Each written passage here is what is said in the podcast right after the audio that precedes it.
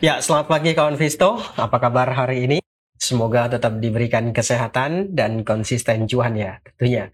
Baik, kita jumpa lagi di Trading Ideas pagi ini tanggal 10 Mei.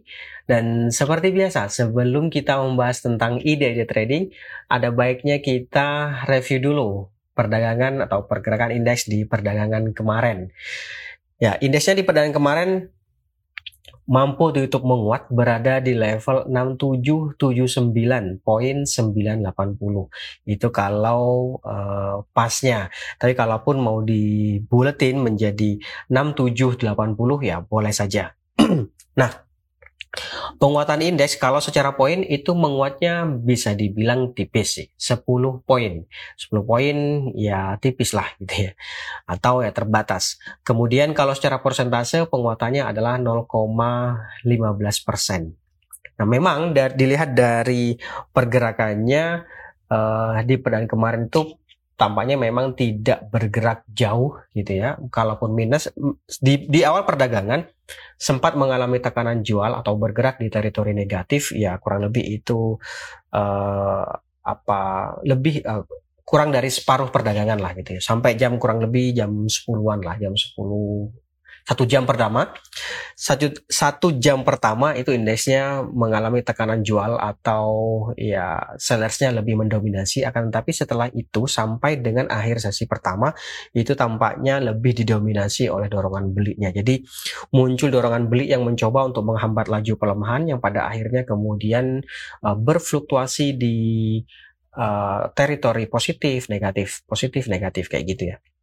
Jadi secara keseluruhan kalau di sesi pertama ini uh, lebih banyak mana dominasi pergerakannya. Kalau dominasinya tampaknya lebih didominasi oleh uh, dorongan beli. Meskipun itu ya tipis sih, ya bisa dibilang relatif imbang lah gitu ya. Kalau secara dominasinya, tapi lebih banyak uh, tetap lebih banyak domi uh, apa dorongan belinya sedikit. Nah Uh, sampai dan akhir sesi pertama indeksnya bisa dibilang ya cenderung bergerak menguat karena memang di awalnya dibuka uh, melemah atau berada di di teritori negatif gitu. Tapi teritori negatif pun ini hanya satu setengah persenan lah kurang lebih. Oh kok satu setengah persen? 0,15 persen maksud saya. Nah sedikit berbeda dengan kalau coba kita lebih detail lagi di perdagangan reguler sendiri, aslinya mencatatkan net sell yaitu sebanyak 30.1 bio, sementara di perdagangan non regulernya aslinya mencatatkan net buy sebanyak 60.5 eh, bio. ya, ini semua bisa dibilang tipis sih net buy-nya maupun uh, net sell-nya gitu ya. Net sell di pasar reguler 30 bio itu ya tipis banget lah gitu ya. Tapi bagaimanapun ya net sell. nah, dari net sell asing yang terjadi di pasar reguler itu saham-saham apa saja sih di perdan kemarin yang banyak dijual oleh uh, asing? Lima besar saham yang paling banyak dijual oleh asing di perdan kemarin. Yang pertama ada uh, Bank Mandiri kemudian disusul oleh Telkom, lalu ada BCA, ada NCKL, dan terakhir ada Adaro. Itu dia lima besar saham yang paling banyak dijual oleh asing di perdagangan kemarin. Nah, selain dari kelima besar itu, uh, termasuk juga ada Cepin, Unilever, terus kemudian ada uh, Akra, nah itu ya. Itu juga termasuk uh, salah satu yang paling banyak dijual juga oleh asing, tapi masuknya adalah ke uh, 10 besar. Kalau lima besarnya sebagaimana tampak di layar. Itu ya. Mandiri, Telkom, BCA, Nikel atau NCKL dan terakhir ada Adaro. Nah, Sebaliknya, lima besar saham yang paling banyak dibeli oleh asing di perdan kemarin itu sama apa saja? Ya, yang pertama ada Astra International menduduki ranking pertama yang paling banyak dibeli oleh asing. Net buy sebanyak 144 bio.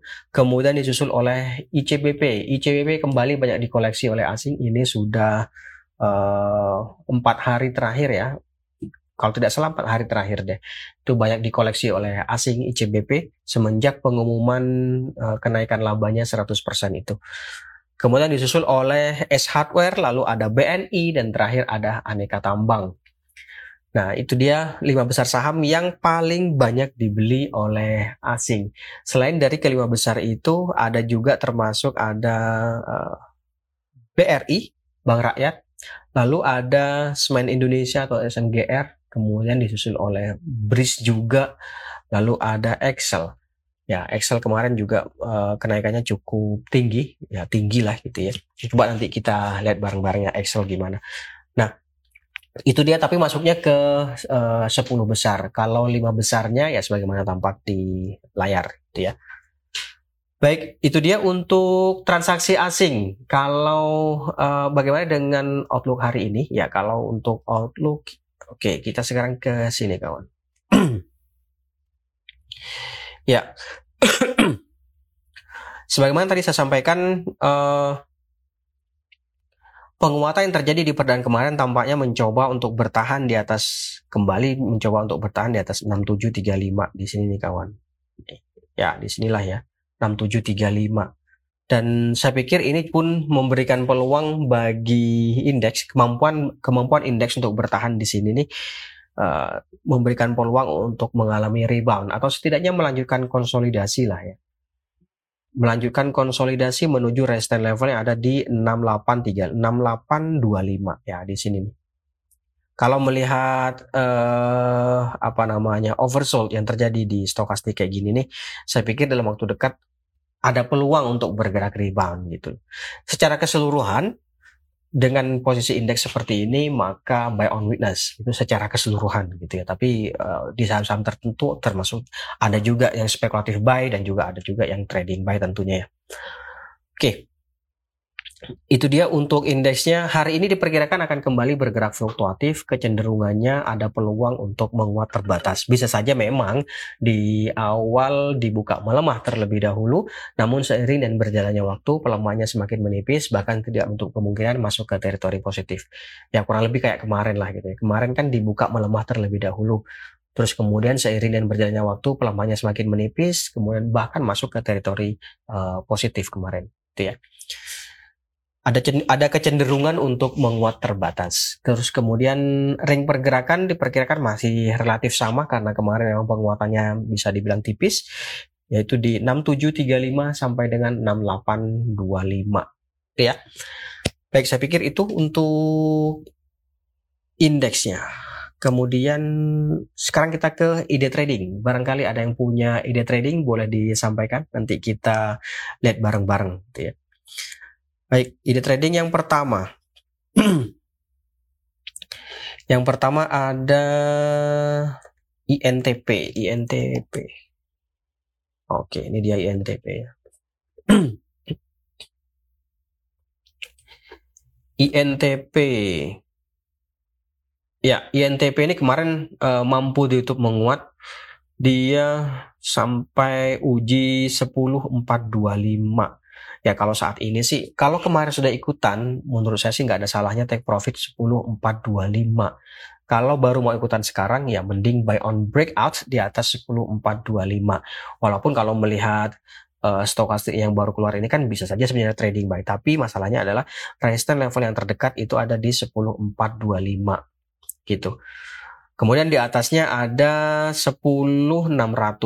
Ya, boleh saja sih berharap di situ, tapi menurut saya sih uh, ada baiknya ada baiknya dipertimbangkan untuk buy on breakout saja di atas 10425 terus nanti ya bisa berharap ke 10600 take profitnya gitu ya. Memang idealnya adalah uh, take profitnya di 10850 sampai 11000. Idealnya di idealnya seperti itu. Tapi uh, apa namanya hmm, tidak ada salahnya amankan keuntungan terlebih dahulu gitu. Coba kita lihat bagaimana uh, weekly-nya atau short to medium-nya. Ya, kalau short to medium-nya ini kan masih konsolidasi nih. Ya bisa sih berharap ke uh, ribu tapi perlu waktu yang lebih panjang lagi gitu ya. Oke. Baik, saya pikir itu untuk INTP kawan. Kemudian berikutnya ada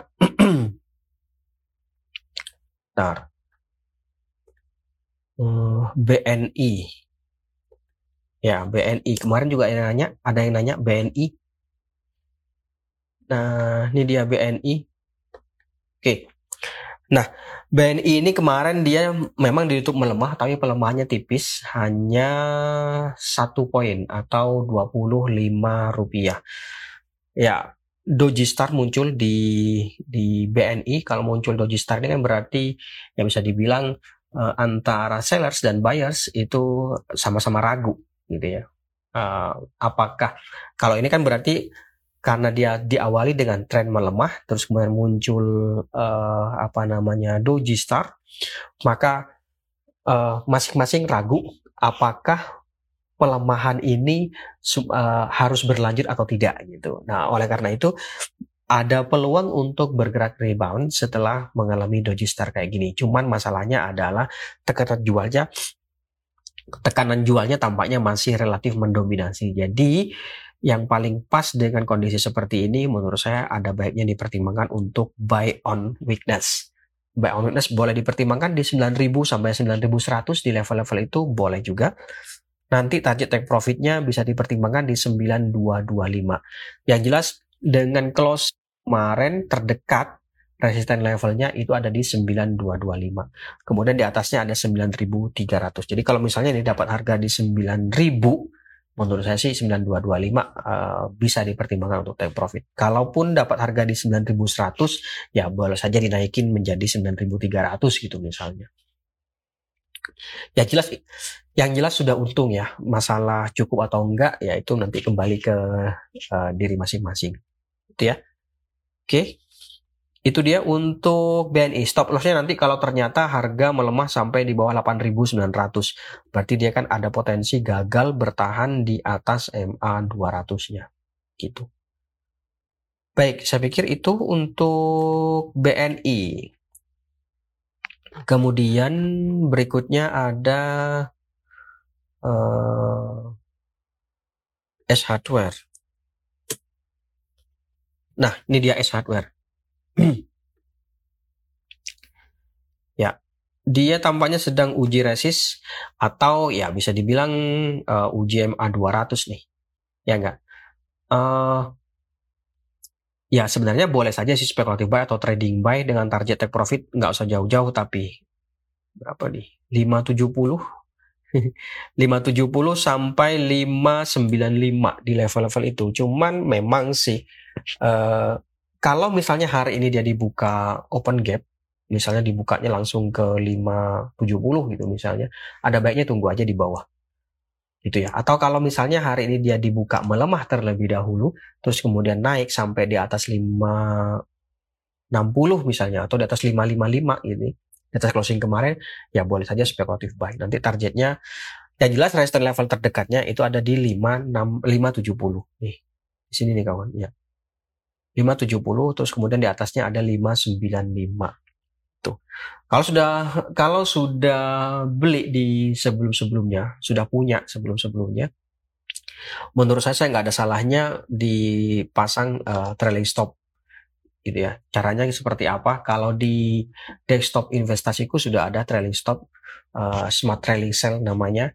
Uh, tapi itu berdasarkan poin. Kalau tidak mau berdasarkan poin, berdasarkan persentase ya berarti di ditinggal disesuaikan di ini sendiri aja nanti gitu ya. Di apa namanya uh, dihitung sendiri itu. Berarti saya mesti stop loss di berapa kayak gitu. Oke, itu untuk uh, S hardware. Kemudian berikutnya Excel. Excel, sebentar. Excel. Nah, ini dia Excel. Ya. Excel di perdagangan kemarin mampu ditutup menguat dan tampaknya ya ini sih uh, bisa dibilang mengalami bullish continuation meskipun ya uh, uh, apa namanya uh, uh, kecil gitu ya oh, bukan kecil apa ya istilahnya ya bullish continuation tapi pendek gitulah ya nah uh, dari pergerakan yang terjadi kemarin Ini bisa dipertimbangkan untuk trading buy. Trading buy bisa dipertimbangkan di 1880 sampai 1905. 1880 1905 ya di level-level itu saya pikir boleh. Nanti target take profitnya bisa dipertimbangkan di 1960 cukup sih harusnya ya. Sampai dengan level psikologis 2000 saya pikir boleh sih. Ya, kalau melihat formasi ini, ini sebenarnya kan mirip formasi three rising method. Benar nggak? Nih. three rising method. Cuman bedanya adalah dia uh, berada setelah tren pelemahan. Sementara kalau three rising method itu kan uh, tipenya continuation, bukan reversal gitu ya. Tapi mirip lah. Oke okay lah gitu ya. Pun juga demikian halnya dengan volume. Volumenya ini kan sangat uh, lebih tinggi dibandingkan sebelum-sebelumnya gitu ya. Jadi menurut saya sih ini cukup menarik untuk uh, Excel. Ini juga termasuk salah satu yang yang paling banyak dibeli oleh asing di pekan kemarin meskipun masuknya ke 10 besar ya itu itu untuk uh, Excel. Apalagi ini Golden Cross juga terjadi sih di MACD memang satu-satunya yang akan mencoba untuk menghambat laju penguatan harga.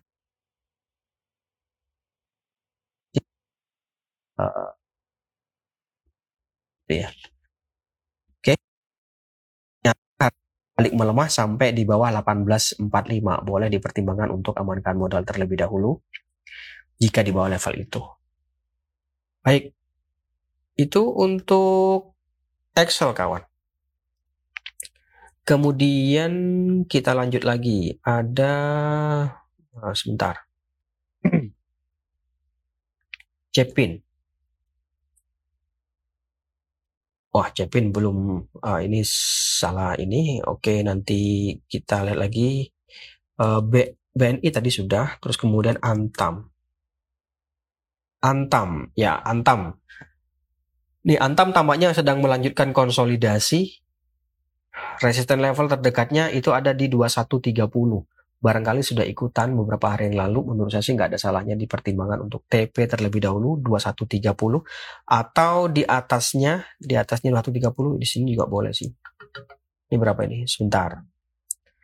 2160. Ya, 2150, 2160. Ya, di level-level itu. 2130, 2160 ya boleh dipertimbangkan di antara level-level itu untuk uh, take profit dulu gitu ya. Kenapa mesti take profit dulu gitu? Kenapa nggak di hold aja gitu misalnya? Ada nanya seperti itu. Ya saya khawatirnya begini. Ini kan sebenarnya ini mengalami death cross benar nggak? Tuh ya kan MACD-nya terus kemudian juga uh, stokastiknya dia cenderung bergerak melemah atau setidaknya membentuk lower high sementara di sini kan tampaknya ada higher high uh, ya relatif sideways lah gitu ya jadi saya khawatirnya dia akan mengalami koreksi dulu setidaknya uji psikologis lagi 2000 itu misalnya. Jadi bagi yang sudah punya nggak ada salahnya sih uh, keuntungan terlebih dahulu. Nah, terlebih lagi kalau kita lihat weekly chartnya ini ini untuk short to medium. Kalau untuk short to medium mending buy on weakness mas. Uh, apa namanya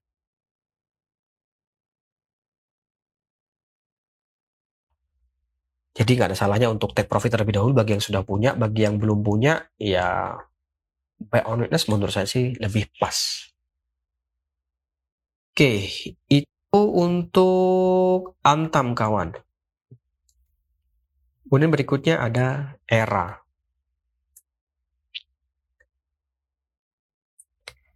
Era. Oke, ini dia Era. Saya gedein dulu. Era di perdaan kemarin dia mampu menguat dan tampaknya kembali bergerak di atas uh, MA 200 ya kan uh, bisa dibilang ini mencoba untuk bergerak atau mencoba untuk bertahan di atas MA 200 nah inilah pentingnya pentingnya. Inilah gunanya uh, rule of three. Hmm, bisa saja kita berasumsi bukan berasumsi, bisa aja kita beranggapan uh, sehari sebelumnya itu hari apa berarti? Kemarin hari Selasa, ya hari Senin berarti ya. Hari Senin, waduh ini ini sudah break uh, MA 200 dan potensinya kalau melihat dari sini kan ini uh, double top, benar nggak? Berarti kan ada potensi untuk berlanjut lebih melemah lebih jauh. Nah, konversi dari uh, breakdown ini kita pakainya rule of three biasanya kan seperti itu secara konsep seperti itulah gitu ya rule of three nah tiga hari atau tiga persen nah dalam hal ini ternyata besoknya langsung balik lagi dia nggak jadi di bawah MA 200-nya ini atau nggak menjadi di bawah neckline-nya. Memang neckline yang ada di sini ini uh, uh, apa uh, uh, bisa jadikan sebagai uh, apa level untuk stop loss kayak gitu ya. Tapi yang jelas dengan kondisi kemarin menurut saya sih ini bisa saja kalaupun mau trading buy atau speculative buy boleh dipertimbangkan di 478 gitu misalnya 478 sampai 484 ya di level-level itu nanti target take profitnya bisa di 494 sampai dengan level psikologis 500. Nggak usah jauh-jauh dulu karena memang Eh, trennya setidaknya selama dua minggu terakhir lebih itu trennya sedang melemah. Jadi menurut saya sih nggak usah jauh-jauh. Kalaupun bahkan kalau kemarin sudah ikutan ya uh, misalnya 460 menurut apalagi 460 ya. Menurut saya sih nggak ada salahnya untuk uh, apa namanya pertimbangkan untuk take profit. Ya boleh di 494 atau nunggu 4 nunggu di level psikologis 500 ya boleh saja karena ini juga sudah merupakan resistance level yang cukup kuat nih 500 nih. Lihat ke belakang-belakangnya gitu ya. Oke. Stop lossnya nanti kalau ternyata uh, harga bergerak melemah sampai di bawah 470 di sini atau sekalian di bawah neckline yang ada di sini nih gitu ya. Ini di bawah berapa nih? 454. Ya, confirmnya sih di bawah 450 ya. Gitu ya. Oke. Itu dia untuk era Kemudian berikutnya Pegas. Pegas. ya, Pegas di perdan kemarin juga dia mampu ditutup menguat uh, uji resist di 1420. Uh, eh, saya pikir boleh dipertimbangkan untuk breakout di atas 1420 ya. Coba saya gedein dulu. Nah, gini nih. Nih, dia tampaknya sedang uji resist di 1420 ini. Ada baiknya dipertimbangkan untuk buy on breakout bagi yang tertarik di Pegas. Kemudian nanti target take profitnya di uh, eh, 1450 itu yang terdekat. 1450 di atasnya ada 1470 di sini kawan. Tuh. Ya, di sinilah ya. Ya, itu saya pikir uh, boleh sih 1450, 1470. Kalau melihat bullish crossover di stokastiknya ini, saya pikir sih masih ada peluang untuk bergerak uh, menguat. Cuman masalahnya tekanan jual yang terjadi di akhir sesi kemarin itu menghambat dia untuk bergerak melewati resistance level di 1420 ini. Itu kawan. Nah, ter, kalau ternyata dia berbalik melemah sampai di bawah 1390, ya nggak ada salahnya sih untuk amankan modal terlebih dahulu. Terus nanti bottom fishingnya ya 1365 ke bawah gitu. Itu ya, baik terakhir, terakhir uh,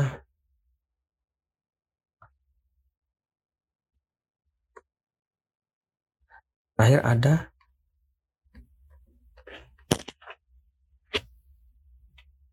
BRI. BRI. Oke. Okay. Ya, BRI kemarin wah, kemarin semakan sempat uji ini ya, uji level psikologis 5000 kemarin ya. Ini BRI masih sih masih masih sama lah dengan kemarin-kemarin uh, apa namanya? Uh, view-nya. Bagi yang sudah punya nggak ada salahnya dipertimbangkan untuk amankan model terlebih dahulu untuk memanfaatkan fluktuasi jangka pendek. Tapi kalau view-nya adalah short to medium ke atas, ya sebenarnya nggak salah juga sih kalau mau hold. Tapi uh, ada baiknya dipertimbangkan untuk amankan keuntungan dulu deh. Ya, gitu. Oke, baik. Saya pikir itu dulu Konvisto untuk hari ini. Terima kasih atas kehadiran dan partisipasinya. Kita jumpa lagi besok. Mohon maaf jika ada salah kata. Tetap jaga kesehatan. Sekali lagi terima kasih. Selamat pagi. Salam investasiku for better tomorrow.